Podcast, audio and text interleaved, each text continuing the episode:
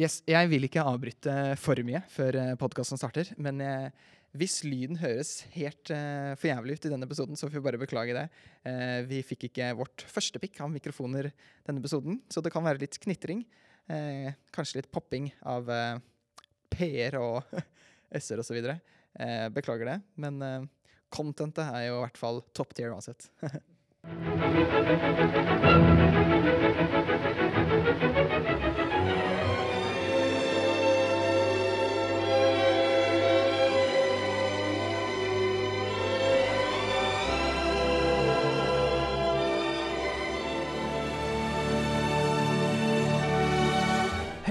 og velkommen til De nominerte podkast.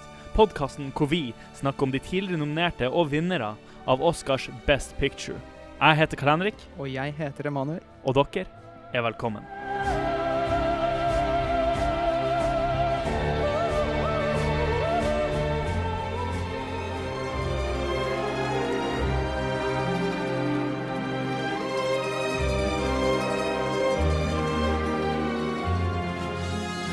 La oss sette stemninga.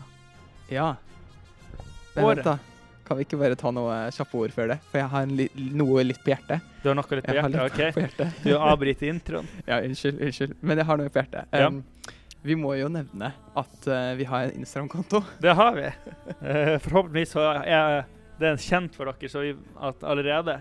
Ja, Sånn, Vi har bare glemt å nevne det før nå. ja. Men eh, vi har altså en Instagram-konto. Og så har vi også en IMDb-konto. Jeg vet ikke om den er helt public ennå, men det burde den være, så da kan dere kanskje Sjekke ut den, ja. ja. Ja. Absolutt. Så har vi jo en mail òg. Vi har en e-mail også. Um, og um, Der må du jo bare gjerne ja, ta da- og, og sende oss noe hvis du har noe ja, det er de, ting å si det er de nominerte eh, Nominer- Donerte Ja, er ikke det de nominerte at gmail.com? Ja, at Ja. Og Instagrammen vår heter også forresten De De De nominerte. Mm. Eh, så det, det, er, det er det det går i. Ja. Så der er det bare å, å sjekke ut. Um, og så Ja, er det noe mer vi har på hjertet da? Det var egentlig å, å nevne den. Ja. Og, og si at uh, Velkommen til tredje episode. Ja, velkommen til tredje episode. Men, Eh, Da, men ja, da kan vi Beklager. Da, da kan vi gå tilbake til Vær så god.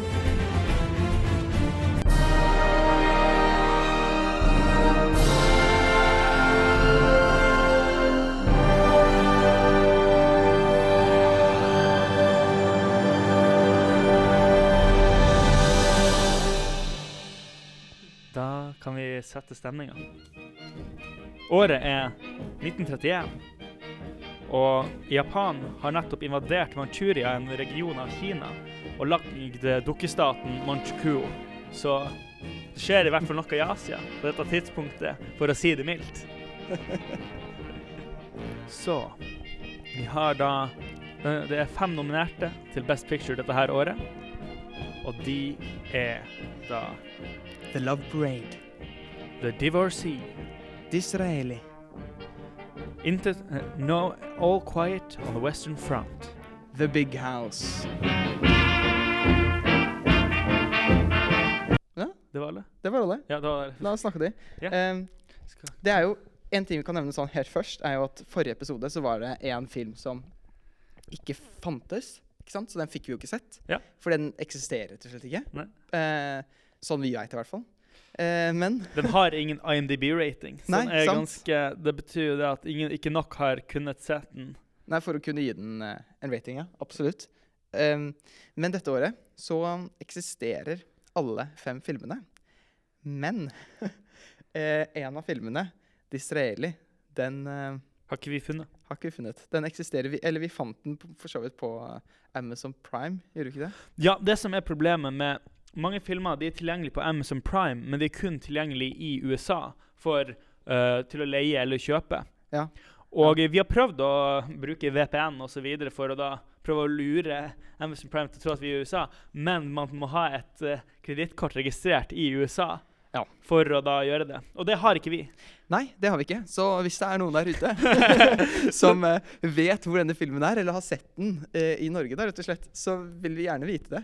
Ja. Uh, for da ser vi den gjerne på ettertid og, og lager en liten special med kun den for å se om Og diskutere om Ja. den fortjente mer å vinne enn Enn den som vi kommer til å Ja, Velge- velge som vår vinner. Ja. og den som faktisk vant Oscar dette året. Ja. Men vi kan vel gå rett inn på, eh, på noen av filmene. ja. Hva skal vi Eh, starte med? Nei, si det. Vil du starte med Vil du starte? Skal jeg starte?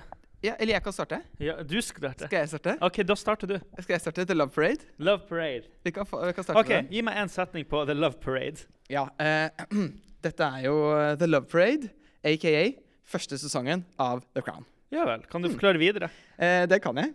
Eh, jeg. Jeg kan komme til plottet, men, men for å holde den litt spenningen, så kan jeg først nevne at den ble gitt ut eh, november, 19. november 1929 Ja. eh, i New York, og så kom den ut i hele USA 18. januar 1930. Regi er da Ernst Lubitsch. Ja, sant? Og hvorfor gisper du? Fordi dette er den, et av de største geniene eh, noensinne, ifølge den utrolige traileren vi så sist siste episode. Dette Ja. er jo regissøren av The Patriots. Sant? Så den filmen her må jo være fantastisk. Så vi går videre. Um, hovedroller. Da har vi da altså Mur Murris Chev Chevalier. Som, Chevalier. Chevalier. OK, takk. Chevalier. Som Count Alfred Renard. Og så har vi Jeanette MacDonald som Queen Louise. Plottet da, nå kommer jeg tilbake til hvorfor dette er eh, første sesong av The Crown. Det er altså han Count Alfred, en uh, militærattaché for den sylvanske ambassaden i Paris. Han blir eh, beordret tilbake til Sylvania for å rapportere til dronningen der, da han har hatt en affære med ambassadørens kone.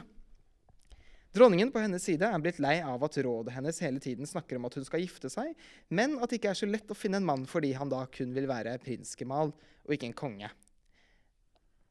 Dronningen blir fascinert av count Alfred mer enn hun blir fornærmet av han, og inviterer han til middag.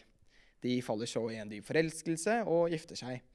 Han klarer først å godta at han må adlyde dronningen, men etter hvert blir misfornøyd med rollen sin som en prinsgemal som kun består av veldig lite å gjøre, og eh, tvinges da til å ta grep, rett og slett. Eh, filmen er eh, adaptert fra det franske teaterstykket Le Prince Consort Consort? Consort? Consort. Ok.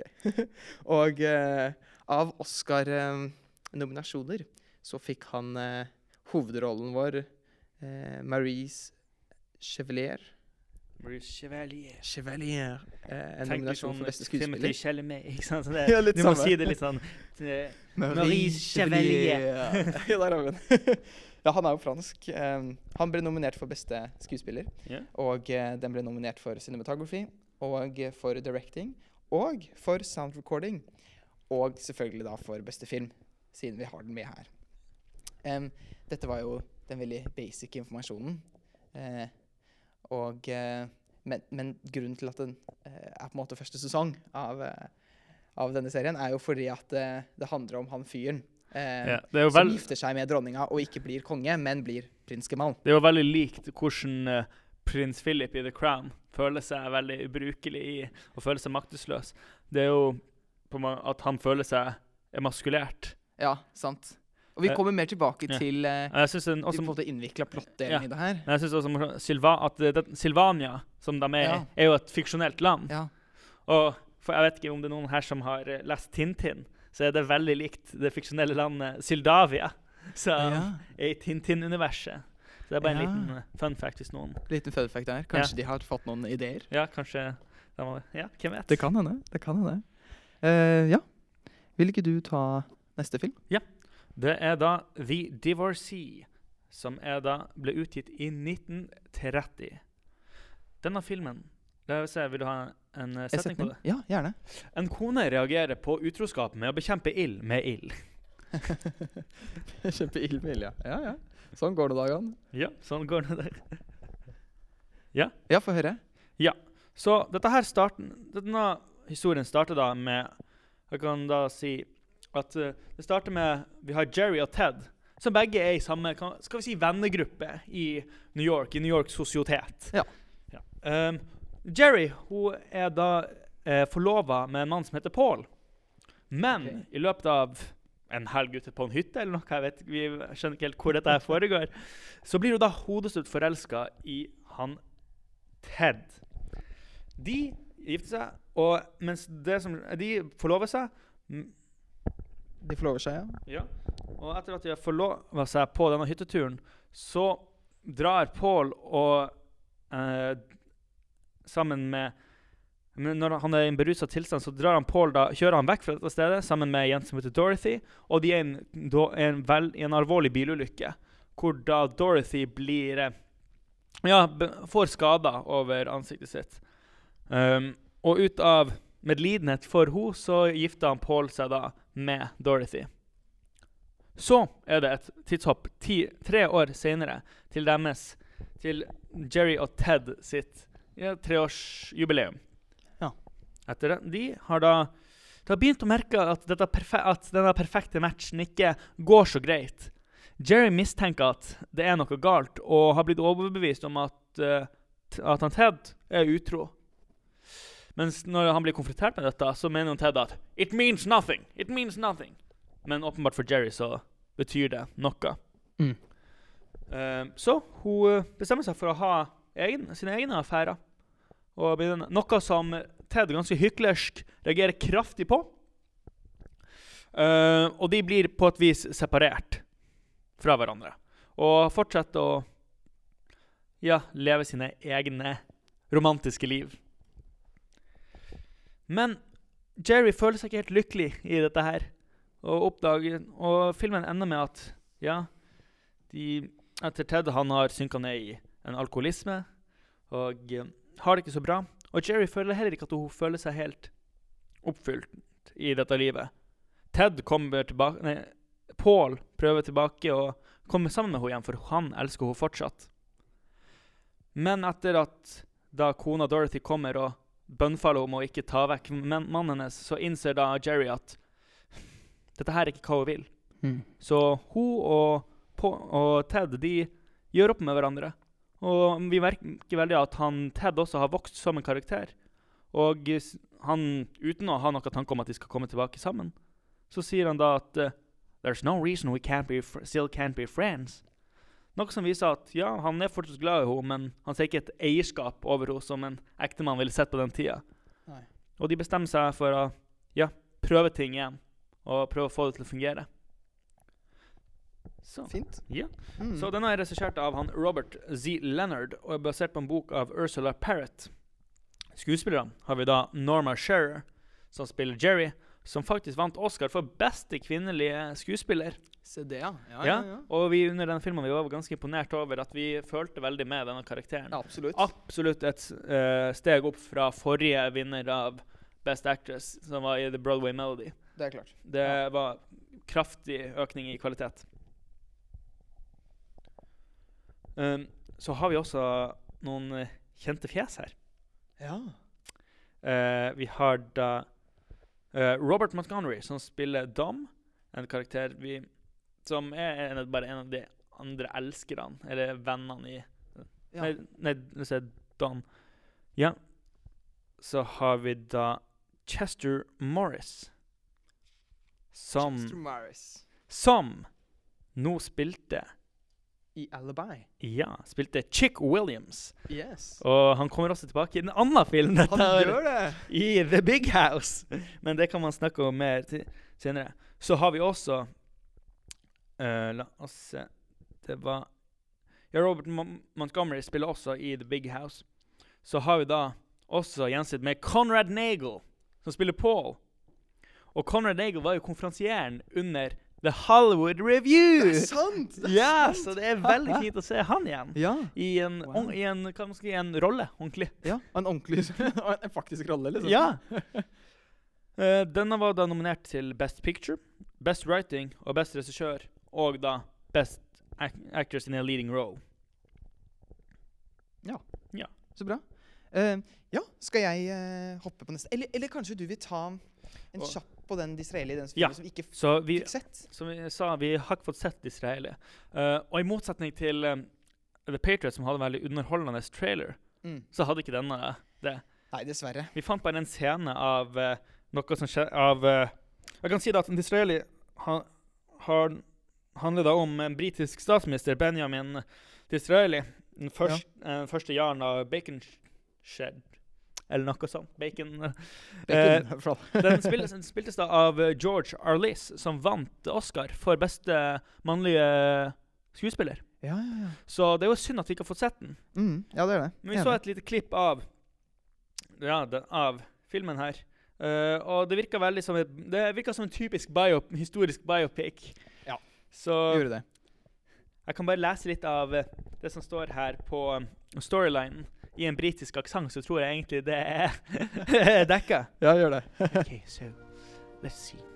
Hello there. Welcome. I am Benjamin Disraeli, Prime Minister of Great Britain and Northern Ireland. Biopic uh, the, of the famed Prime Minister, focusing on his concerns about Russia's growing interest in the Indian subcontinent and his attempts to buy the Suez Canal.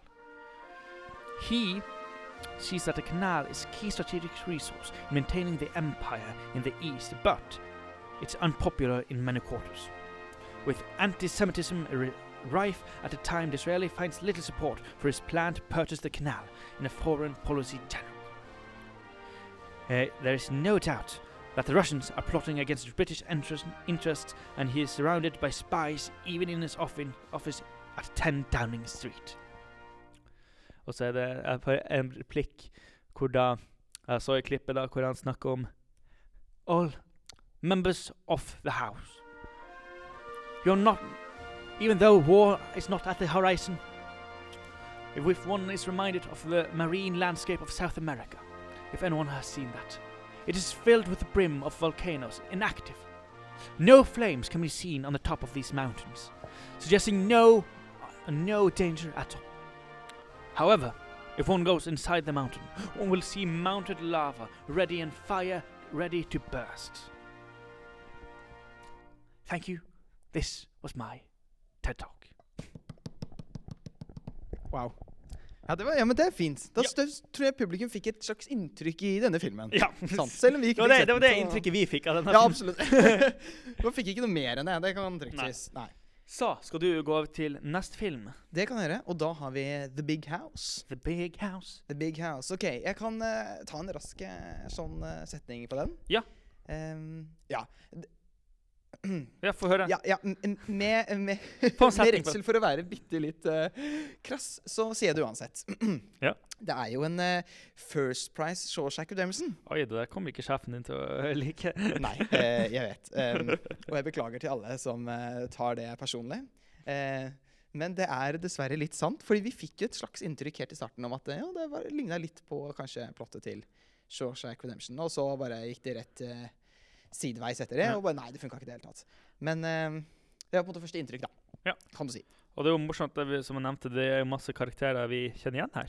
Det er det absolutt. Det er jo da selvfølgelig hovedrollene som vi har Chester Morris, som da spiller Morgan. Han spilte også eh, i Alibi som Chick Williams, og i den filmen som du akkurat snakket om, Divorcee. Ja.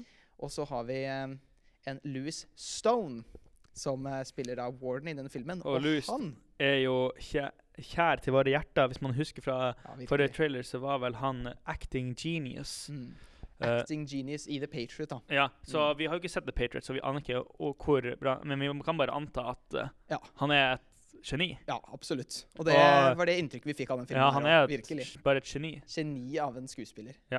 Og så har vi eh, Robert uh, Montgomery. Hæ? som spiller Kent. Ja, og han spiller også i The Divorcee, Mm. uh, som du akkurat snakket om. Og så har vi da en um, Wallace Berry som spiller Butch i denne filmen. Uh, Butch ble nominert for beste skuespiller, men jeg kommer tilbake til de, de Oscarene der som denne Mm. fikk. Regi er gjort av George Hill i denne filmen, og uh, den ble gitt ut 24.6.1930. Plottet her da er jo at vi starter Kent, som er en fyllekjører, han eh, klarer å drepe en mann i eh, Fylla? fylla mens han kjører bil, rett og slett. Så han eh, blir satt i fengsel for dette og blir dømt til ti år. Der deler han en celle med denne Butch og Morgan. Butch han blir etter hvert satt på isolat for å ha startet en protest under middagen. Og eh, han, sender, han har en kniv som han da sender under bordet bortover til eh, etter hvert som den kommer til Kent. Eh, Morgan får eh, beskjed omtrent på dette tidspunktet at eh, han kan dra på en prøvelses... Eller han får prøvelsestillatelse. Prøve, prøvesløslatelse. Prøveløslatelse. Der har vi det. Eh, men denne blir kansellert når han også blir nødt til å putte på isolat. Butch han lager en plan for å rømme dette fengselet, som mange av fangene blir med på. Eh, Morgan, som nå har eh, rømt fra fengselet og ble fucket. blir tatt tilbake til fengselet. Men han vil nå være en lovlydig mann og sier at nei, jeg vil ikke bli med på dette. Eh, eh, dette tingen de skal gjøre. Flykte fra dette fengselet med Butch. Han skal nå bli lovlydig. Men blir jo på en måte med sånn uh, ufrivillig, Ja. som alle andre. Eh, planen den går litt skeis, og det blir en slags uh, shootout. Selv om warden og fengselet har blitt uh, røpet eh, til at dette kommer til å skje, så blir det en shootout mellom de, og mange av de som jobber på fengselet, blir drept i dette. Til slutt så kommer også militæret inn her for å kunne stoppe hele. Kent han blir drept eh, i kryssilden mens han prøver å åpne døra ut av fengselet og bare komme seg vekk fra dette kaoset. Så blir han altså drept. Butch han blir da fortalt av en eller annen fange at det var Morgan som tipset fengselet eh, at de skulle forsøke å rømme. Og mens de, ta, de to, altså Morgan og Butch, eh, skyter litt på hverandre og blir litt sure, så klarer eh, Morgan å få, få fortalt at nei, det var ikke han, det var Kent, altså, som hadde eh, tystet til fengselet. Eh, Butch dør mens han finner ut av dette her, og Morgan han overlever og blir løslatt av fengselet eh, for å kunne ha hjulpet dem med å avslutte dette, eh, rett og slett. Og så ja, og så lever han lykkelig i alle sine dager. typ. Det, det, det, hvis det høres forvirrende ut, så er det fordi at det er veldig forvirrende. Det er mye, mye plott i dette her, og mye å holde oversikt over. Det virker som det er to-tre filmer egentlig i én. Ja. Um, så det er litt over, uoversiktlig, men det, det er på en måte det som skjer i en slags um, Ja, i det jeg fortalte her nå.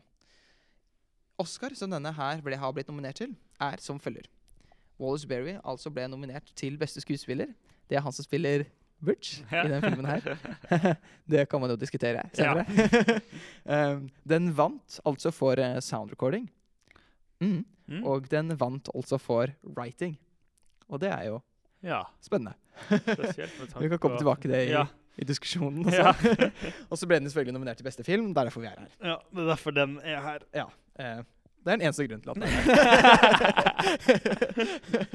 ja, uh, vi kan jo gå over til uh, vår siste film Ja. før vi begynner på diskusjonen. Ja. Mm. Og det er uh, intet mindre enn All quiet on the western front. Ja. La, oss syn- få- la den synke litt inn. La det synke litt inn. Mm. Norsk tittel 'Intet nytt fra vestfronten'. Denne filmen er da basert på den kjente boka eh, 'Intet nytt fra vestfronten' av Eirich Maria Remarque, en tysk forfatter.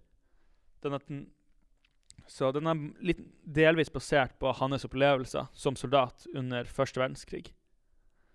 Så jeg kan begynne på plot, hva plottet er, da. Vi starter da i Tyskland. Dette er starten av første verdenskrig. Folk er, vi ser marsjering i gatene, at folk er klare for krig. Vi ser også i starten ser vi en postmann som er ute på å levere post, og forteller da eh, slakter da at I'm going to the front soon. I will be in the reserves. Uh, han virker som en veldig hyggelig karakter, egentlig. Veldig hyggelig karakter, Men vi kommer jo tilbake til han. Vi gjør det. Og så, imens vi, disse troppene går gjennom byen, så kommer vi og ser inn i et klasserom. Hvordan lærer snakker til sine elever tappert om hvordan det er å dø for et fedreland. Han snakker på latin, en latinsk frase som sier da at det er en søt død å dø for sitt fedreland. Han uh, bruker veldig mange argumenter og appellerer da til disse ungdommene i klassen sin som ikke, ikke er mer enn 19 år gammel. Og eh, ber dem alle om å gå ut i krigen og kjempe for sitt fedreland. Hele klassen uh, melder seg inn i hæren. Eh, selv noen som ikke vil, men de føler rett og slett på gruppepresset at alle de rundt seg bestemmer seg for å gå inn i denne krigen. Mm. Og det jeg synes det er veldig fint at de ser ut som gutter. Ja, dette her er ikke noe eh, Disney Channel-casting, for å si det sånn. Dette her er gutter du Ja, ja, ja. minner om folk du ser i Stumpa-filmene. Absolutt. Dette er bra casting. Ja, si sånn. utrolig bra. Så Vi merker guttene er klar for krig. De er kjempeglade for å endelig kunne gå inn i krigen og kjempe for sitt fedreland. Vi har en karakter som har fått noen veldig fine støvler av eh, sin onkel, som han nå skal gå inn i krigen med, og han er kjempestolt over det. Når de er på brakka og ja, har det gøy, sånn som gutta har det, det er veldig god stemning mellom disse guttene. Det er Noe av det beste, fineste i filmen her er den kameratskapet Mm. mellom de. Mm. Absolutt. Og så mens de driver og kødder litt rundt og snakker om hvordan eh, de skal gjøre sine tapre dåder i krigen, de vil være i kavaleriet, de vil være i infanteriet, de vil skyte kanoner, eh, så kommer da inn eh, Himmel... eh, la oss se hva han heter. Han heter så mye som Himmeltross, tror jeg det var. Mm. Himmeltross. Som er postmann. Som nå er befalet deres. Og guttene glad for å se sin lokale postmann. Hilser jo på han og begynner å erte han litt for han. Hey, I got you. How come you got such a nice uniform? Look at him. Og det er veldig morsomt, for at alle guttene er jo høyere enn han også, så det blir veldig morsomt bilde da. Himmeltross er ganske påvirka av dette her, at han har autoritet, noe som merkes med en gang. At han You you should refer to your superiors as sir. Og guttene klarer ikke å ta han helt seriøs. Noe som straffer seg for dem når de endelig begynner med treninga. Ja. Og vi merker tar igjen, kan du si. Man merker allerede at lysten for krig blir litt svekka allerede når de må krype ned i gjørma i de nye uniformene sine. Så de er nå på trening en god stund. Uh, blir trent, og man merker allerede at stemninga er litt ne mer nedtrykt. Det er fortsatt mye bedre. De er, gleder seg til å se fronten, men de er lei av denne treninga. Så plutselig får de beskjeden 'You're being sent to the front', og de gleder seg. Så kommer de da til fronten her, og det er veldig fine bilder her. Virker faktisk så bare ut som 1917 litt i eh, svart-hvitt på et tidspunkt. Ja, absolutt. eh, som er da veldig imponerende for en film som nesten er 100 år gammel. Ja, ja, ja. Uh, og så møter vi Så kommer da guttene inn på uh, et av husene da, hvor de skal være stasjonert, og de spør da We haven't even since breakfast. Where we, where's the canteen? Hvor da de blir veldig latterlig møtt av uh, de erfarne veteranene der at uh, There is no canteen here.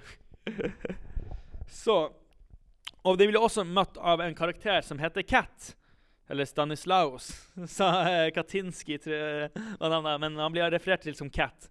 Så han blir da på en måte en slags blir mentorfiguren til disse guttene. Han har et tøft indre, men et ganske mykt ytre. Litt som en bri. Mm. Eh, Litt som en bry.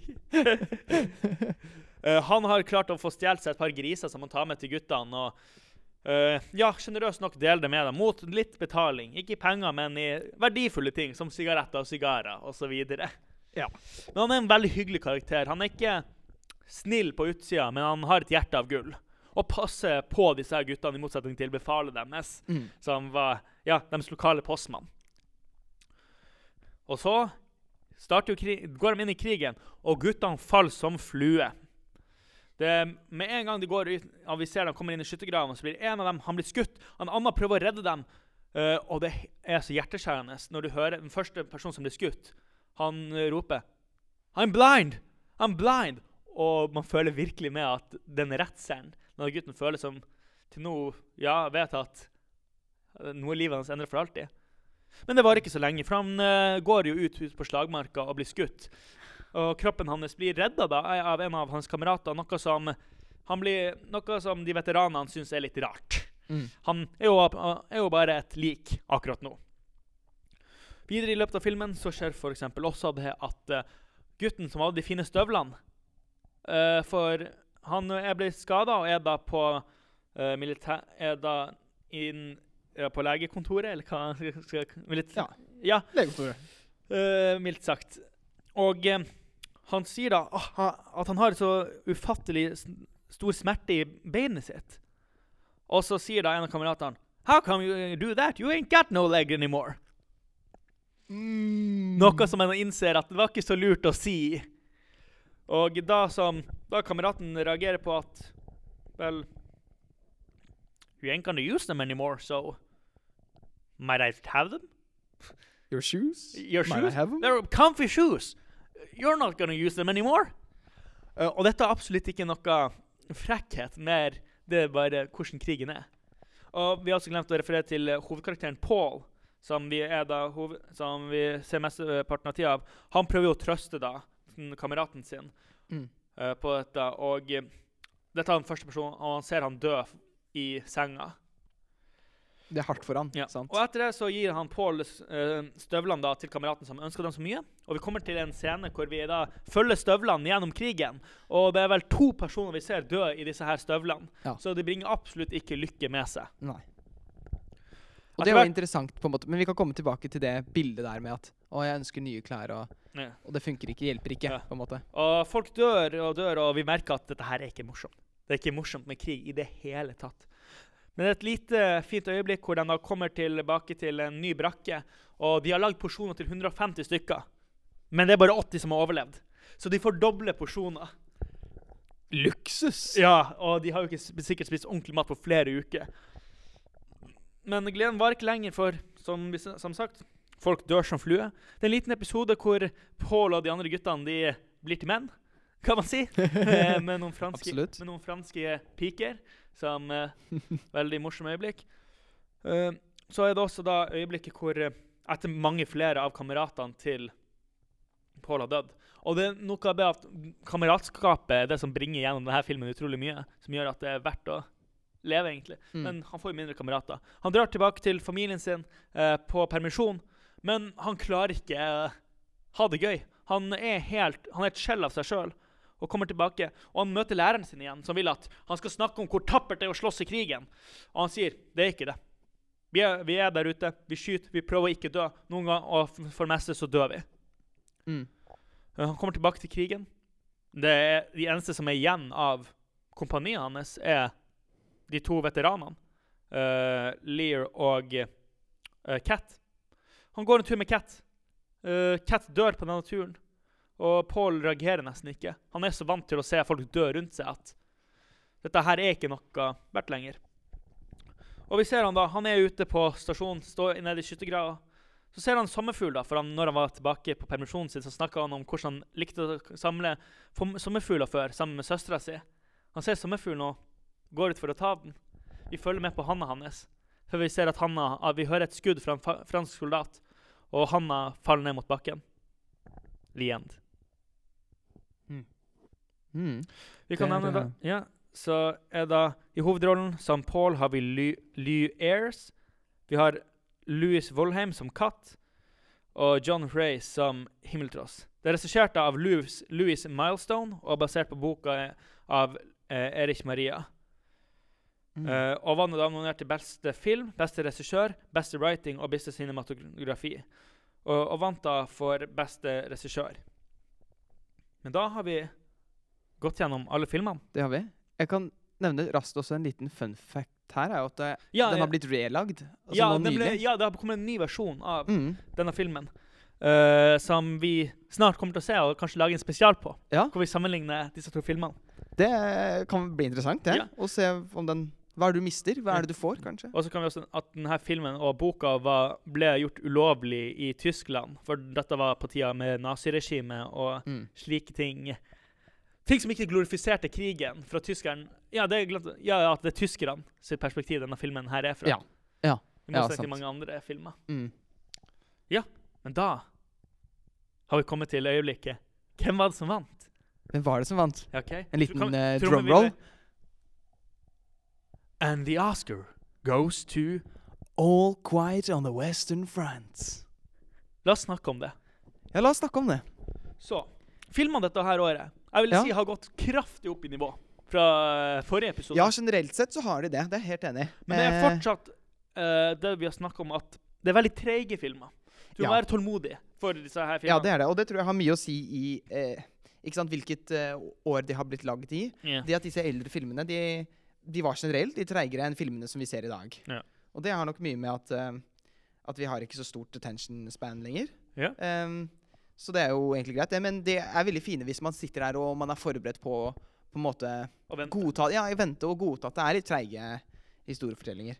Så blir de veldig fine, egentlig. La oss se. Mm. Uh, skal vi snakke litt kanskje om hva filmene på en måte som henger får dem til å på en måte henge bak? eh, Ja. på en måte i, uh, la oss se.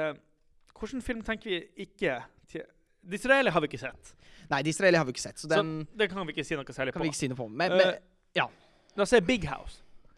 Ja, Big House. Det, Kule det er sekvenser. Um, men det er, litt, det er litt kaos i plottet.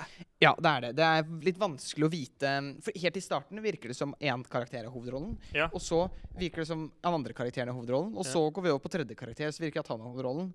Og det er jo ikke noe problem å ha et liksom three-way i hovedrollene her, men eh, det er gjort på en litt sånn rar måte. Og ja, det er rett og slett litt kaos, som du nevner, i, i denne filmen. Men det er litt kule set pieces. De har klart å få inn tankser i Ja, denne filmen, det eh, er det. som er veldig morsomt å se.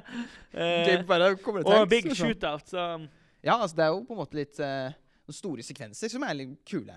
Ja. Det er det absolutt. Uh, la oss se hvordan andre La oss se The Divorcee.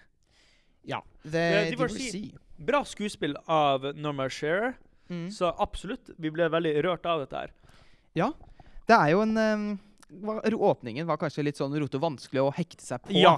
øh, hva som skulle skje, og hvor vi var, og hvem de var, osv. Og så jeg tror vi også at problemstillinga er litt uh, gammel uh, For at, Ja. no, at Det handler om skilsmisse og dette, et ekteskap. Noe som ikke på den tida sikkert var mer tabu. Ja. Mens i dag er jo dette veldig lite tabu. Ja. Å skille seg og Mm. uh, Men jeg syns det er en utrolig moden slutt.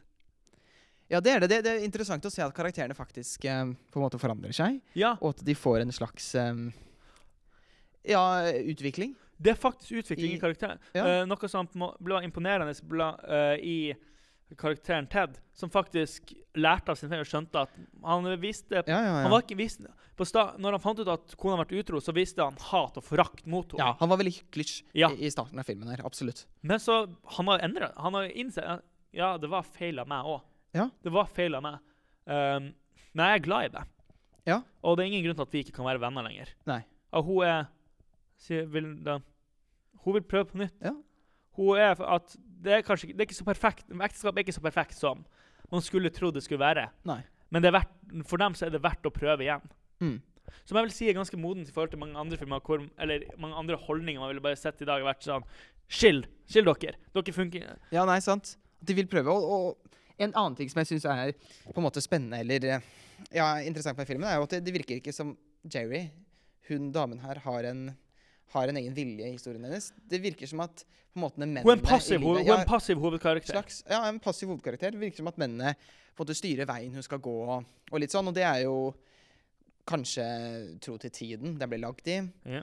Eh, men det er også litt interessant at denne ikke er eh, ja, passiv hovedkarakter.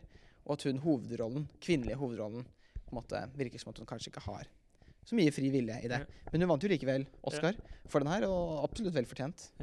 Skal, vi sn la skal vi snakke om uh, The Love Parade. Love- Jeg likte The Love Parade. Ja, jeg har noen uh, beefs å ta med den. Du har noen beefs med Love Jeg har det. Um, for utgangspunktet, i starten, så likte jeg den. Men eh, mot slutten så ble jeg litt sånn Hm, interessant. Ja, for du, eh, det husker jeg også når vi sa. Jeg synes den er vel, det, er en, det jeg tror er kjennetegn, kjennetegn for han eh, Ernst Lubitsch, Ja. eh, er det at han har disse store. Han, jeg tror han er veldig glad i den, ting som minner om The Bell Epoque, som er da tida før første verdenskrig. ja. Eh, på en måte aristokratiet. Vi så jo bildene fra forrige filmen, Ja. av The Patriot, russiske tsaren. Han Ja. lagde en film som også var nominert uh, for første, første Oscarene, som da også handler om russiske adelsmenn. ja. Så jeg tror han er veldig interessant i på en måte det. Han er jo, en altså, han er jo også europeer, så på en måte han kom Jeg tror han har litt nostalgi Ja. til den perioden. Ja, ikke sant. Ja, ja, ja. Uh, så han er veldig, veldig på en måte detaljert. Veldig fine verdener han lager. ja. Men for, og denne filmen er jo Altså, den starter jo ut med en slags eh, sterk eh, kvinnelig karakter i av det at hun ikke vil eh, når, når det kommer til det objektet, det å gifte seg, så vil hun ikke Hun vil gifte seg av kjærlighet. Hun vil ikke bare gifte seg fordi mannen For problemstillingen her til mange er jo at mannen som kommer til å gifte seg med henne, ikke blir konge. Og da kan det være vanskelig å finne mannen til henne i er filmens setting. Men hun vil ikke gifte seg for å gi mannen sin eh, på en måte posisjon. Ja. Hun gifter seg kjærlighet videre, og det er positivt. Og så Ja. gifter hun seg jo med denne mannen, og de er liker playboy. hverandre. Han er jo en playboy. Han er en skikkelig playboy. Og han, eller de liker hverandre i starten, men han, etter hvert så blir han bare pottesur fordi, han, eh, fordi hun har oppgaver som dronning, og fordi han ikke eh, får være med på det. Og, og han, han vet jo på en måte hva han har giftet seg inn i. Han eh, Det er tydelig også i filmen at han virker litt usikker når han faktisk står i Ja, skriftsenderne. under ekteskapet så er det Det er veldig morsomt, for det er jo parodi nesten på det som er vanligvis at en kvinne som skal gi, si ja til, Ja. eh, i hvert fall på den tida, i et ekteskap, at du skal eh, følge ordrene til din ektemann, du skal høre Ja. på han og være lojal mot han og elske han. Ja. Dette er bare motsatt. Men problemet her er jo at det er akkurat det du sier, det er motsatt i starten. Men så på slutten så snur filmen helt. Og til slutt så ender det opp med at hun tilber han og sier at å ja, nå skal jeg gjøre som deg. Så hun trer på en måte mot slutten så trer hun inn i eh, rollen som klassisk kvinne på den tiden. Istedenfor hun, hun slipper den rollen sin som sterk kvinne i historien. Og jeg skjønner ikke hvorfor de gjør det. De snur bare filmen helt. Men jeg vil si det at det handler, men det handler litt mer om at uh, Det er jo et interessant at det er tatt motsatt, men det er også det at hun eh, viser ikke noe medfølelse for han i hans situasjon. Han er, denne, han er en vill spirit. Ja, men problemet så Han Og er jo en douchebag i Ja, men han er jo en vill spirit, og det ser vi i starten av filmen. Han, Ja. han er jo denne playboyen, og, Ja. og det er det som gjør at hun syns han er interessant. Ja, Er at han er den her ville hingsten som ja, ja, ja. ja, ikke helt som de andre. Men når han ikke da klarer å ta sin Men- plass i Men forholdet etter hvert, så blir det jo vanskelig. Men da burde jo hun ha medlidenhet for å skjønne at han ikke klarer å være i en passiv rolle. Ja, han er at, Men han vet jo også hva han har giftet seg inn i. Og dette er jo Det ikke Hun kan jo ikke gjø eh, vende stein og fjell for å gjøre han lykkelig og nå gi han makt osv. Men hun er jo dronning, så hun trenger, ikke å vende, hun trenger jo bare si ordene, gi han noe. Jo, men han vet jo også at når han gifta seg inn der, så var han, hadde han ikke noe å si i hoffet. Og hun kunne selvfølgelig vært, vært sånn Ja, OK, la oss høre på, på dine ideer osv. Men jeg vet ikke om han hadde blitt så fornøyd Men jeg uansett. tror virkelig at i filmen her så er det ikke gitt informasjon at han vet hvordan det foregår. Han er jo overraska under, under bryllupet Mm. over det han de, uh, Men han godtar det jo, og han, Han vet det, jo men han jo hva han, han går inn til. Nei, men det er akkurat Til en det. viss grad så gjør han i hvert fall det. Jeg vil mene det at han ikke vet det. At det det for Ja, men også som du sier, under bryllupet så innser han det jo, så han vet jo det. ja, eller han blir over... Noe på, en må- at det er jo på en måte det at det er for seint for han, føler han, å si nei til Ja, kanskje, men også vet Ja, han jo han føler seg jo pressa på en måte i det at han, han Jo, det, det kan være mulig, men han vet jo også at han blir prins Gemal og ikke konge. Men han Det vet at, han jo. men at uh, han ante ikke hvor mye ikke frihet han vil ha det. Det var jo under hoffet. Så ble han fortalt da Prinskemannen har ikke lov til å si noe Har ikke lov til å si noe på budsjettet eller noe. Eller, Ja. Ja, ja, og, Da, og det kom jo som en overraskelse for han. Så det er jo det åpenbart ikke noe som har kommet fram til han. Nei, men det virker jo også heller som at han ikke eh, stoler på dronningen sin evne til å styre dette riket. Jeg tror det er mer av det at han har lyst til å ha noe å gjøre. Han er Jo, men når han da ikke får lov til det, så eh, tar han heller en snuomvending og, og velger å sabotere for dronningen og for hoffet og for kongeriket, istedenfor å på en måte gjøre det jeg mener kanskje karakteren burde gjøre, ta det som en mann og, og heller prøve å overtale med, eh, dronningen med kjærlighet og prøve å gå den veien, istedenfor å eh, presse dem ut. Men, men, for hun bruker jo med en gang han prøver å diskutere det, eller han, eh, så er hun sånn beordrer han. Kom i, du skal komme i den flotte Ja, det er sant, men det er, jo, det er jo tradisjonen, og det er jo situasjonen her. Ja. Så han, det er jo han som, som skifter inn og, og, og heller prøver å overkjøre dronningen. Virker som mer. Jeg tror han bare I filmens gitte setting så er det det han gjør. Men jeg tror også, det er mer da at han bare prøver å være ektemann. Og, det, og dette er jo noe som er utdatert for Ja, vår tid. absolutt. Men på denne her tida Og det, at, det er det samme som er i The Crown, Ja. er da hvordan at uh, en, av, en ting som gjør for han prins Philip sur, er at ungene hans får ikke hans navn. Nei. Han er den eneste mannen i hele Storbritannia som ikke Ja. som, eneste, Hvor da ungene får, får da, uh, kona sitt navn. Mm, mm. Hvor demaskulerende hvor Ja, emaskulerende dette er på den tida, og hvordan han må føle seg. For det er jo det å se på dette at på den tida det er lagd i, Ja. av at, Ja, hvordan dette her er på en person.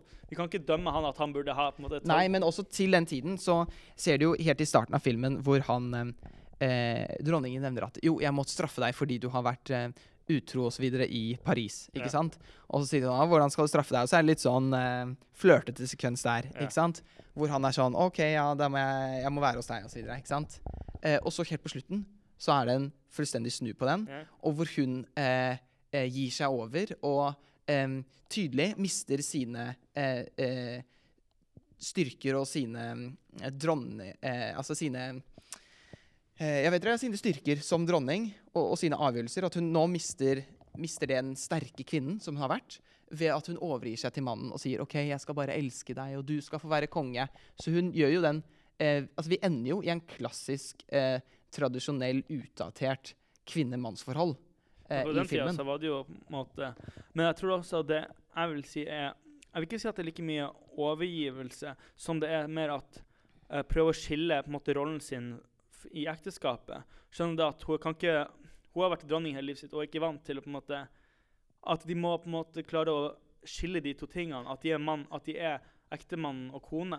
Jo, men problemet er at de klarer jo ikke skille det i eh, det offentlige. For det offentlige her er jo det, eh, det personlige, som er dems forhold, eh, og som tradisjonelt på denne tiden var jo da hvor mannen var forsørgeren osv., eh, og dems offentlige forhold, som er konge, nei, dronning og prinsgemal, eh, blir jo på en måte slått sammen ved at han ender opp med å få den kongelige rollen. Så det virker jo som at han på en måte og, og måten han kommer dit, er jo veldig slu. Altså, han driver jo og, og utspiller dem ved å, ved å, og utpresser dem ved at eh, de blir avhengig av, av han. Vi kan jo bare si at måten han gjør dette på, er jo det at Ja. de skal ha en kongelig eh, kong, Dronninga skal møte med sin nye ektemann på operaen, Mm. og noe han nekter å gjøre. Han vil ikke gjøre det, for at han, dette er på denne tida hvor han er ulykkelig i ekteskapet. Ja, Han vil ikke gjøre det fordi han føler at han ikke har noe, eh, noe makt eller noe, han, noe kunne gjøre. jeg tror han bare føler seg innesperra. Det er ikke det, han føler seg innesperra. Jeg tror ikke han har særlig har, har ikke et mål om Han vil ikke ha makt, han vil bare ha frihet. Det er det. Ja, men det når er han, det kommer dit, når han kommer dit på operaen, så kommer han dit tydelig med en Det virker som veldig som han har en plan om at «Nå, skal jeg ta over her. For han snur jo maktforholdet deres. Men ikke jeg tror ikke han har, har lyst til å være konge. Det er absolutt ikke, det. Han har bare lyst til Til å slutten nikker han jo når du sier ja, du skal være konge. Så virker han fornøyd og sier ja, OK. Da er jeg fornøyd. Jeg tror, men da er det med king i på en måte at det er en balanse i for at hun er dronninga, men at han fortsatt er ektemannen. Ja, Så han kan ikke bli fornøyd med mindre han får den tradisjonelle rollen som mannen, hvor han er sterkere og har mer makt enn konen sin. Ah, Han er nødt til å få det. han, det Jeg tror han bare vil ha et visst maktforhold i, i, i det private. At for at må, Dette her var jo et ekteskap av kjærlighet.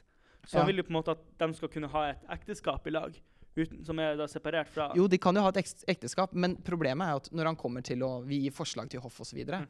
Så er det jo det som får han til å ville dra vekk igjen. At han ikke får Og det at han ikke kan spise frokost uten at dronningen er der. Sånne Ja. ting er jo tullete, selvfølgelig, at han ikke kan det. Men det er jo det som fører til at han vil dra i det første. Jeg tror bare han vil være sysselsatt. Um, Ja. Men jeg tror vi må komme oss videre. Ja, vi må komme oss videre vi Til det. neste.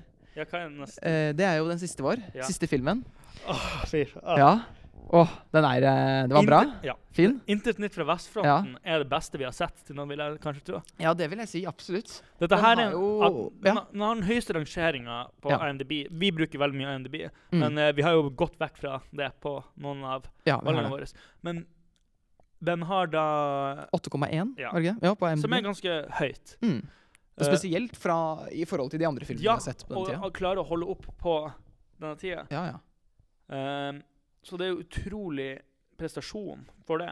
Og Ja. dette her virker mer, mye mer som en moderne film enn Mm. noe av det vi har sett.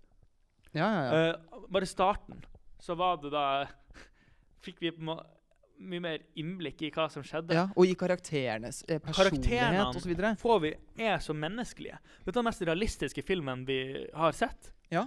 ja, virkelig. Det her føltes veldig som bare at vi fikk se inn hvordan det var i krigen. Ja. Og det var bra kameraarbeid, og også som helhetlig pakke. Virkelig. Og dette er en ting som mange, bøk mange bøker blir jo adoptert til filmer. Mm. Og når en bra bok blir til en film, så blir mye av den tunge løftinga gjort av Av boken. Ja, Ja. absolutt. Det er den som skriver. Det er så mye bra skrevet i det manuset her. Ja, ja, ja. Um, og det er jo det noe Erik Maria burde få æren for. Det ikke, Ja. Men jeg syns regissøren har ikke sittet på latsida heller. Nei, virkelig ikke. det. At man er ikke avhengig av at han har bygd på og gjort Og heller løftet boken på en måte. han, har løft, gjort historie, han, har gjort, han har klart å adaptere historien til, uh, til film. Ja. Han har gjort det sånn at vi faktisk føler med at dette ikke virker være Og den her er deprimerende, det må man si. Ja. Den er det. Det er en uh, trist film. Det er jo på en måte tragedie. Alle dør Ja. til slutt. Så det er jo Dette Men det- på den andre måten så er jo det virker realistisk, for det er jo ikke en klassisk Hollywood-slutt. Nei. ikke sant? det er jo ikke, dette her er mest deromantisert eh, visning av film, Mm. nei, av krig, uh, man har sett på film. Ja. De nevner jo det også helt i starten, at dette er ikke en uh, accusation. Ja. Det er ikke en Altså, dette er, har ikke noe med krig å gjøre. Det, eller, eller for og mot. Det eneste det her er, er et blikk inn på hva som skjer, liksom. Ja, og den her er jo Objektivt. også revolusjonerende at boka, da, og da er også i filmen, at den viser hvordan krig påvirker Ja. personer. Sant? Det er en ting jeg tenkte på, at det er jo i første verdenskrig så er det disse skyttergravskrigene. De, Ja. er, de er skyttergravene. Mm. Ganske ille å være i. Um, og området mellom dem, eh, Mm. mellom de to skyttergravene, til forskjellige, er jo ingenmannsland. Mm. Og jeg tenkte jo over det, Grunnen til at det heter ingenmannsland, er for at de som slåss der, er knapt menn. Ja. Noe som jeg syns er utrolig fint i denne filmen, er at guttene ser ut som gutter. Ja. Dette her er ikke 20, uh, 25 år gamle menn Nei. som spiller 17-åringer. Sant. Disse her er Det er realistisk, ikke sant? Og Hvis du har sett noen Stumpa-filmene, noen av dem. Eh, Det virker som guttene fra Stumpa fra en internatskole liksom, Ja. som er satt ut i krigen. Og du virker ikke urealistisk. Du virker veldig sånn Å ja, disse her er ute i krig. Ja, de Ja. Det er fair, liksom? Ja, ja, ja. Ja, men uansett Og det går I stedet for å gå fra, liksom, fra gutter som blir til menn, Mm. så går det fra gutter til å bli skall av en mann. Ja. De er, Ja, ja, ja. de er helt følelsesløse. De Mm. klarer, skjønner ikke hvordan det er. Og det er så mange sekvenser her som du virkelig føler med. Første netteren. De klarer ikke å sove, for det er kanoner som kommer over dem. Nei. De skriker, de, de roper ut fordi de klarer ikke å sove. Uh, de får ikke, noe, de får ikke bra mat å spise. Hvordan det er når du har drept en mann i, med kniv, Ja, og ja, ja. eh, veteranene sier ah, Ingenting å tenke på. Ingenting å tenke på. Ikke Nei. tenk på det, du. du. Ikke tenk på det. Bedre at han døde enn du. Uh, Mm. Mm. Og når han kommer tilbake til læreren sin og snakker om hvordan dette her er, og han blir kalt en feiging av elevene, Mm. hvordan det er for de som blir møtt Mm. tilbake, som ikke kjente på den her glorifiserte krigen. Nei, de kom sant. ikke tilbake som helter, Nei, nei. De kom tilbake som noe mindre. Ja, absolutt. Og det er jo en helt tydelig altså Vi kommer dypere inn på menneskene her og på karak karakterene enn det vi har gjort tidligere, syns jeg. Vi Og går under overflaten, sant? ja, altså det er todimensjonale karakterer Eller ikke tre, eller tredimensjonale At du har for eksempel han Cat, for eksempel. Ja. Som i starten vi trodde bare ah, dette her er det tøft. Bare, Ja, The Tough Guy, liksom, i men han var jo utrolig bra mentorfigur, liksom. Virkelig. Ja, ja, ja. Han um, Og, og, og, og snill, som du sier også, og virkelig en helhetlig person Ja. i det her. Kanskje i motsetning til Butch, ja som vant det året. Jeg syns he mye heller at Cat Ja. kunne vunnet dette her. Han, Helt enig. han eh, var en, en god, han var en god mentor Ja, for guttene her. Og virkelig. sikkert den døden man jeg følte mest med av uh, de som døde i denne filmen.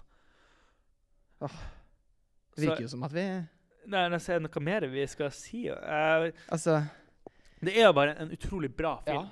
Ja, blir, hvordan det er skrevet, gjør det til det, Ja, det er utrolig bra skrevet, dette her, og det er jo pga. boka, men regissøren sitter ikke på latsida. Absolutt ikke. Han- det er eh, en Han har gjort en god film. jobb for å gjøre det. Skuespillerne eh, Det er på en Ja. måte Det er litt den skuespillerstilen som er på den tida, som virker litt kanskje utdatert. Ja. Men det er likevel trolig. Jeg tror på disse guttene som Ja. hvordan de ville vært i denne krigen. Absolutt. Når de roper ut at de ikke vil være der. Når de ikke klarer å få sove. Når de ikke skjønner hvorfor de er der lenger. ja. Det er ekte, det er røft. Og det- her, ja, det er Og, og det er deprimerende. Det blir mer skikkelig deprimerende. Vi kom, når vi så ferdig filmen, vi var sånn Vi følte oss litt som de guttene. Det er sånn, Vi er et skall av det vi var før. Ja, vi var det. Selv etter vi hadde sett filmen, bare. og den, jeg tror den her virker Den den filmen at den holder opp i dag. Ja, det tror jeg. Altså, eh, Wings, for eksempel, som var vår Eh, første så, men det- skal vi bare vinner, vi, den var jo- det At denne filmen, Ja, når vi snakker om vår vinner, ja, de fortjente, ja. så, kan, så er den her definitivt. Ja, ja, absolutt. Det er den ikke noe den spørsmål. her. Det er ikke noe spørsmål. Det er vår vinner. Og det var jo også Oscar sine vinner. Ja. Så vi Noen ganger er vi enige, noen er ganger der. så er vi uenige. Ja. Men det, sant? Men det du nevnte mot slutten, det at den eh, holder opp til i dag. Ja. Ikke sant? Vår første vinner, som er jo også en krigsfilm, Wi- Wings. Wings, begge handler om første verdenskrig. Bra, ja. Og men- Wings var ja. kjempeunderholdende. Men det, det er ikke sikkert at den holder opp til i dag, på den Nei, måten her. For vi gjorde narr av mange tingene Ja. uh, i Wings. Det går liksom ikke an å gjøre narr av var sånn hvordan, Hva er dette her for noe? Hvorfor ja. gjør de det? Det der var skikkelig rart. Selv om det var en utrolig bra slutt Ja, på ja. Wings. Ja, det var det. Og da var skuespillere, og de uten ord en Ja. gang. Mens her, denne filmen Ja. holder opp i. Den her kunne du sett i et kla... Burde, jeg, jeg vil si dette er en av de filmene man burde se i et klasserom, liksom. eh, på hvordan det er. Kan Og trygt si at det er vår vinner, for å si det sånn. ja, denne her på de nominerte leaderboard er det fin... Ja, den er øverst. den er øverst. Den er øverst. Den Så da har vi hva, da, blir det Old Quiet on the på- Western Front. Ja, tredjeplass På tredjeplass har vi In Old Arizona. På Mhm. andreplass har vi Wings. Og på førsteplass har vi All Quiet on Western Front. Ja. Og det er ikke et uh, spørsmål engang, egentlig. Nei. Det er uh, Og jeg tror den kan bli det. Jeg tror den kan bli det i lang tid. Jeg tror også det. Jeg tror vi skal, skal godt til å slå denne. I Ja. hvert fall slå den av uh, topp tre. Det er Ja. jeg 100 sikker på. Ah, Ja, det var, det var intenst mot slutten her. altså. Ja. Fy fader. Jeg merker det fortsatt, den filmen der. Ja, det er også Mm. det jeg merker også på film. Det er de som vi føler med oss ettertid, liksom, som vi Som vi sitter med. Og det er jeg fornøyd med alle som er på topp tre nå. ja. Men At det er de vi det de, at det vi har følt mest har gjort et inntrykk Ja. på oss. Ja, absolutt. Og den her definitivt har gjort det. ja, ja. Det er så mye bra skriving, det er så bra regi. Ja. Det er Og storyen er utrolig bra. Ja. Og noe man Ja, jeg skjønner at det er lagd nyinnspillinger, men vi, er jo, vi får jo se hvordan den ja, vi får se. Ha. Ja, Skal vi vi får vel runde av. Vi får eller? runde av. Runde av på topp. Ja, får vi si. på topp. Eller, Eh, eller på bunn. På bunn. Ja, på bunn. uh, ja, så hvis, bare advar. Hvis dere skal se denne her filmen, uh, ja, se den med noe sånn dere har noen å gråte med. Ja. Ja, gjør det. Gjør det. Virkelig. Men vi anbefaler den absolutt. ja, den det er absolutt eh, og se. Den holder opp til i dag. Ja, ja, ja. Den uh, har en utrolig bra historie, bra karakterer. Ja. Og ja, fortjente vi At jeg så noe på Oscar-utdelinga, Ja. og eh, akademiet mente da på den tida at den her burde bli uh, vinne fredsprisen. ja, der ser du det. Og, med det kan vi jo avslutte. Jeg heter Karl Henrik. Jeg heter Manel, og tusen takk Takk. for at du hørte på. Til neste gang. så Ja. ja. håper vi at dere hører oss igjen. Vi får håpe det. Ja. ha det godt. Ha det.